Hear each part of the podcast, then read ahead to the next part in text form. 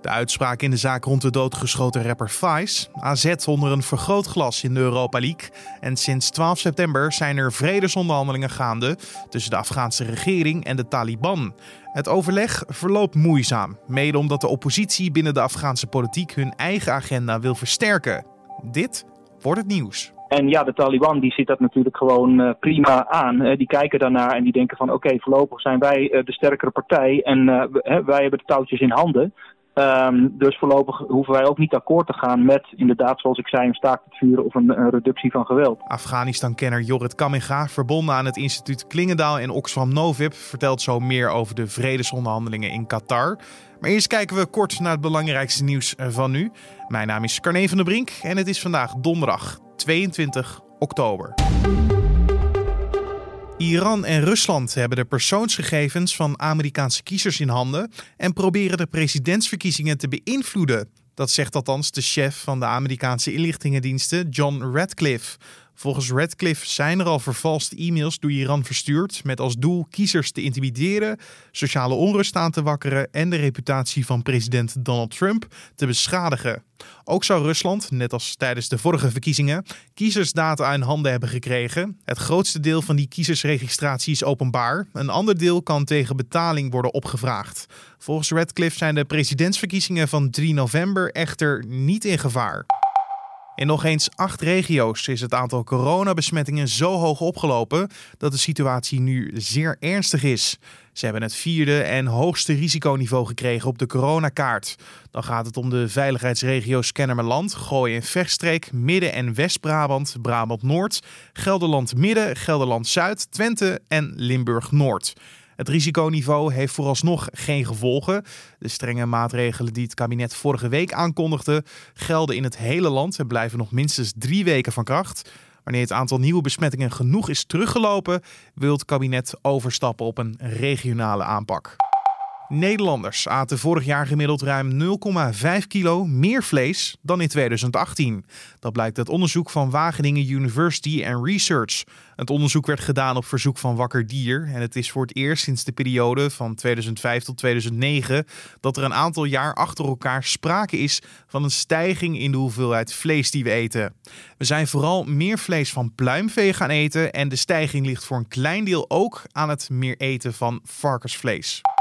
Ajax is het Champions League avontuur gisteravond begonnen met een ongelukkige nederlaag tegen Liverpool.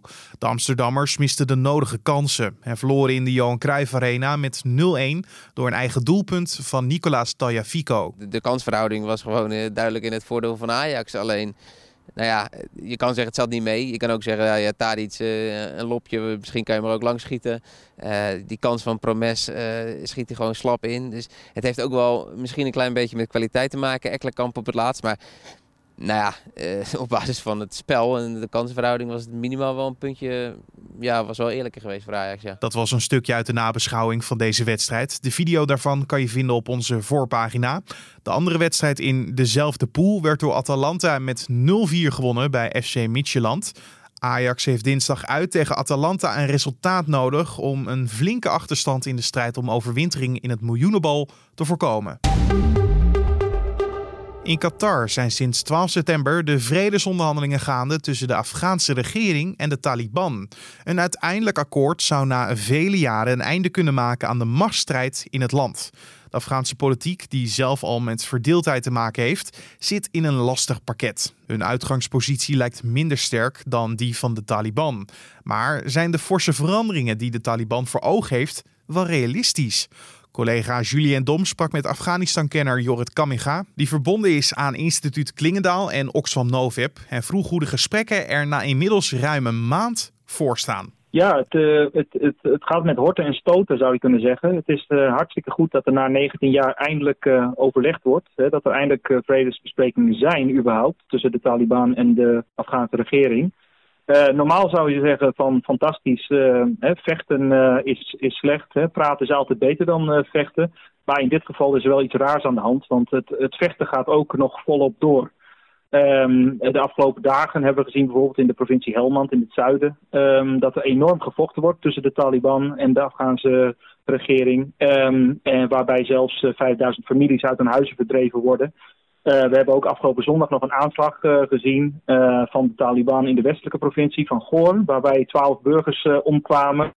Dus voorlopig is, is vrede nog heel ver weg, zou je kunnen zeggen. En ja, het is goed dat er gepraat wordt in Doha.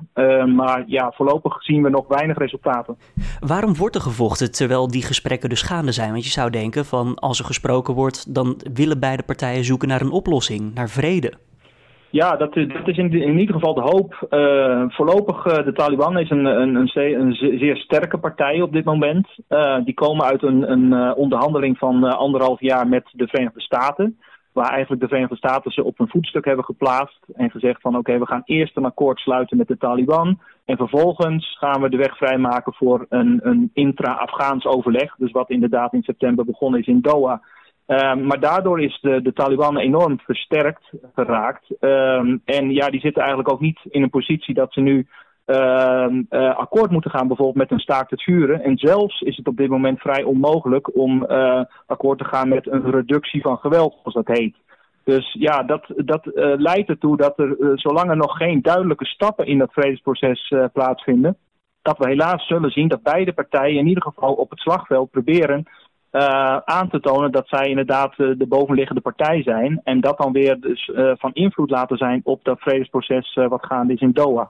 Binnen de Afghaanse regering was natuurlijk ook behoorlijk wat verdeling. er werd ook geruzied over wie nou daadwerkelijk de regering is. Wie heeft de presidentsverkiezingen gewonnen begin dit jaar. Nu is er wat meer rust, lijkt, lijkt het te zijn. Heeft dat een voordeel voor deze onderhandelingen inmiddels?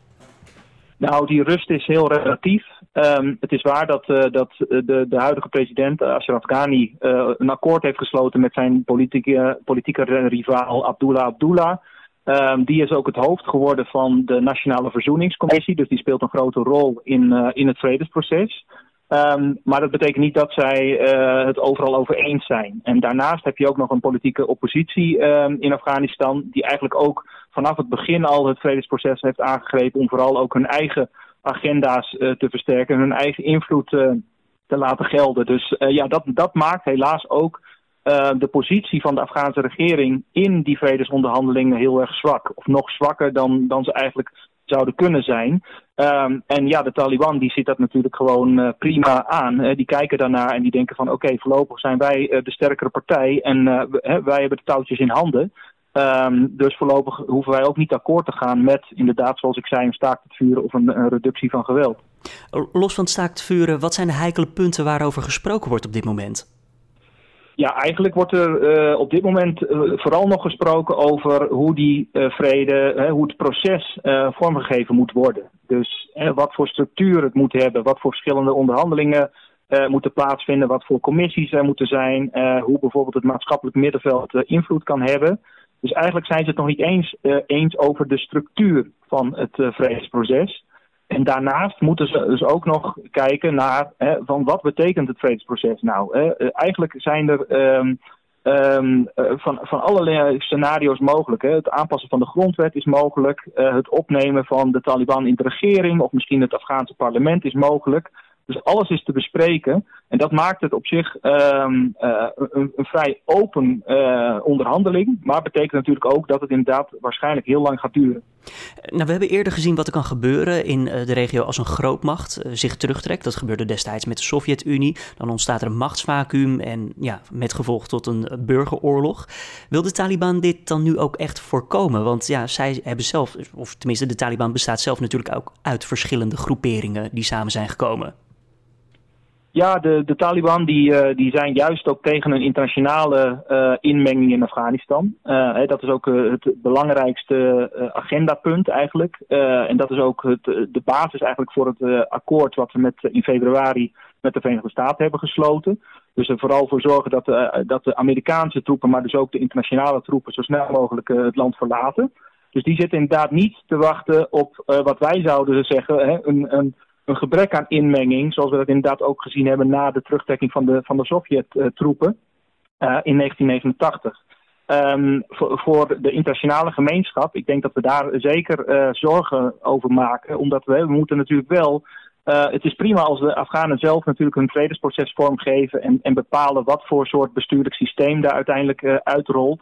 Maar we willen natuurlijk wel dat daar een soort van controle op is, op de implementatie niet alleen, maar we hopen natuurlijk ook als het Westen met al onze investeringen die we gedaan hebben de afgelopen 19 jaar, dat er toch wel een soort van minimum respect voor de mensenrechten is, voor vrouwenrechten.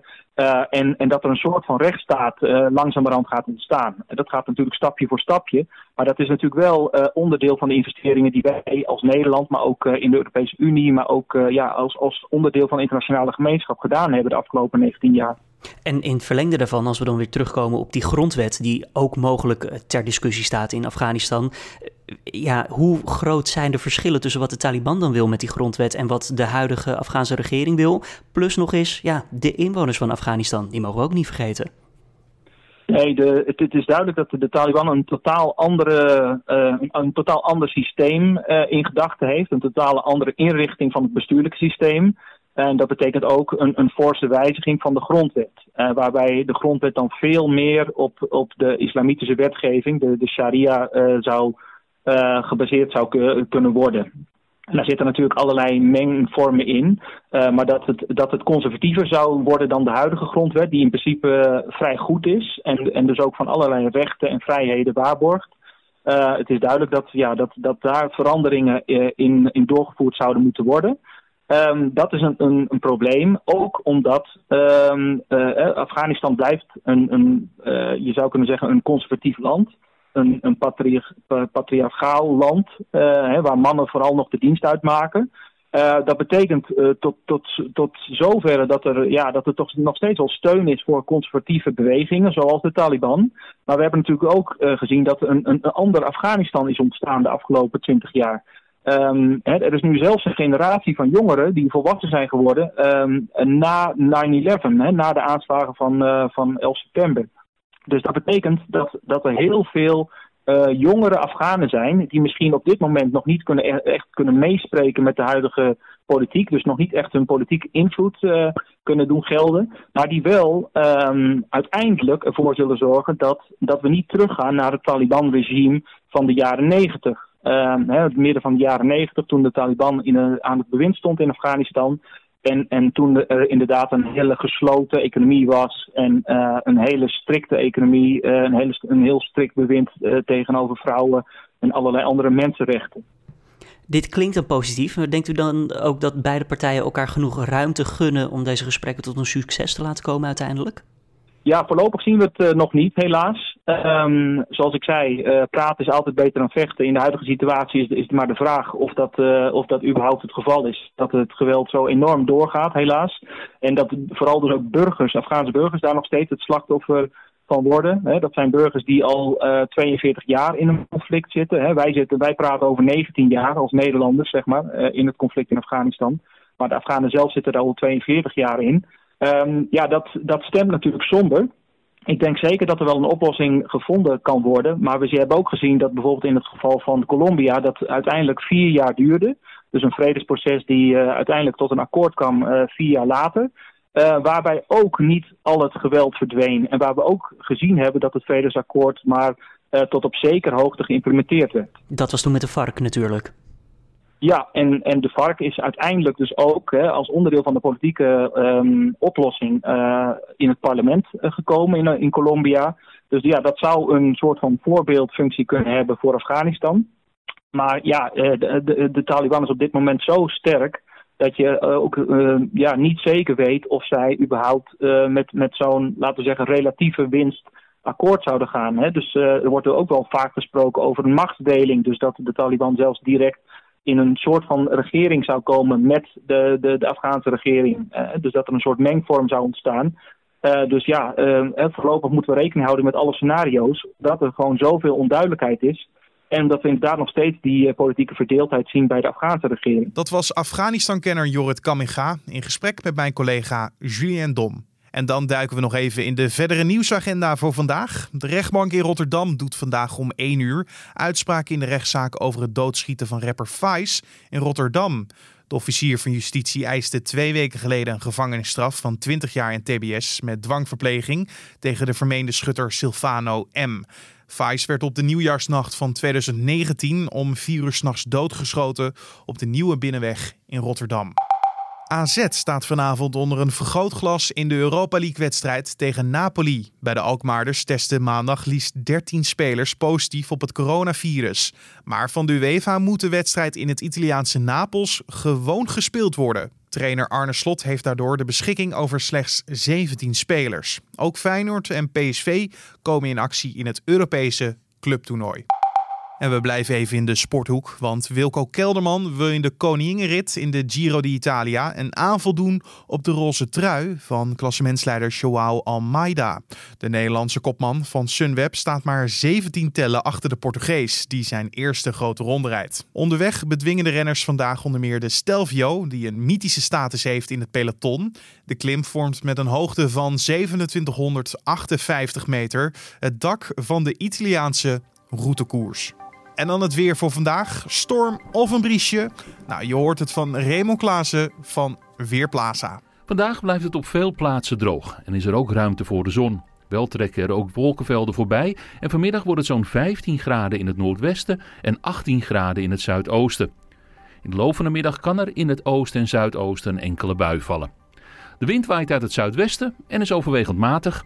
Vanavond neemt de wind geleidelijk aan iets af. Dankjewel Raymond Klaassen van Weerplaza. En om af te sluiten nog even dit. Eerst even iemands foto liken of delen en daarna op zoek gaan naar je droomman of droomvrouw. Dat kan nu op Facebook. Zij hebben hun eigen datingdienst uitgebracht in Nederland en alle andere landen van de Europese Unie.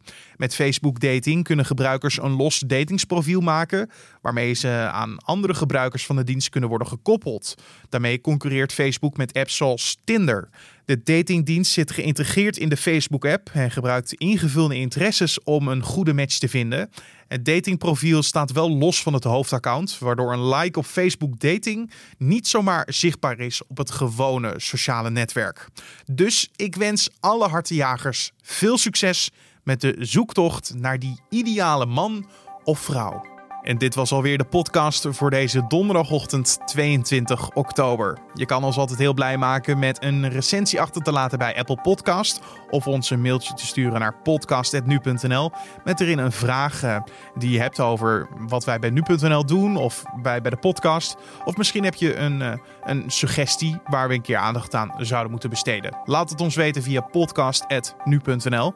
En als je deze podcast luistert via je favoriete podcast app. Zoals een Spotify Apple Podcast, vergeet je dan ook niet gelijk gratis te abonneren. Het is gratis en staat de podcast altijd voor je klaar.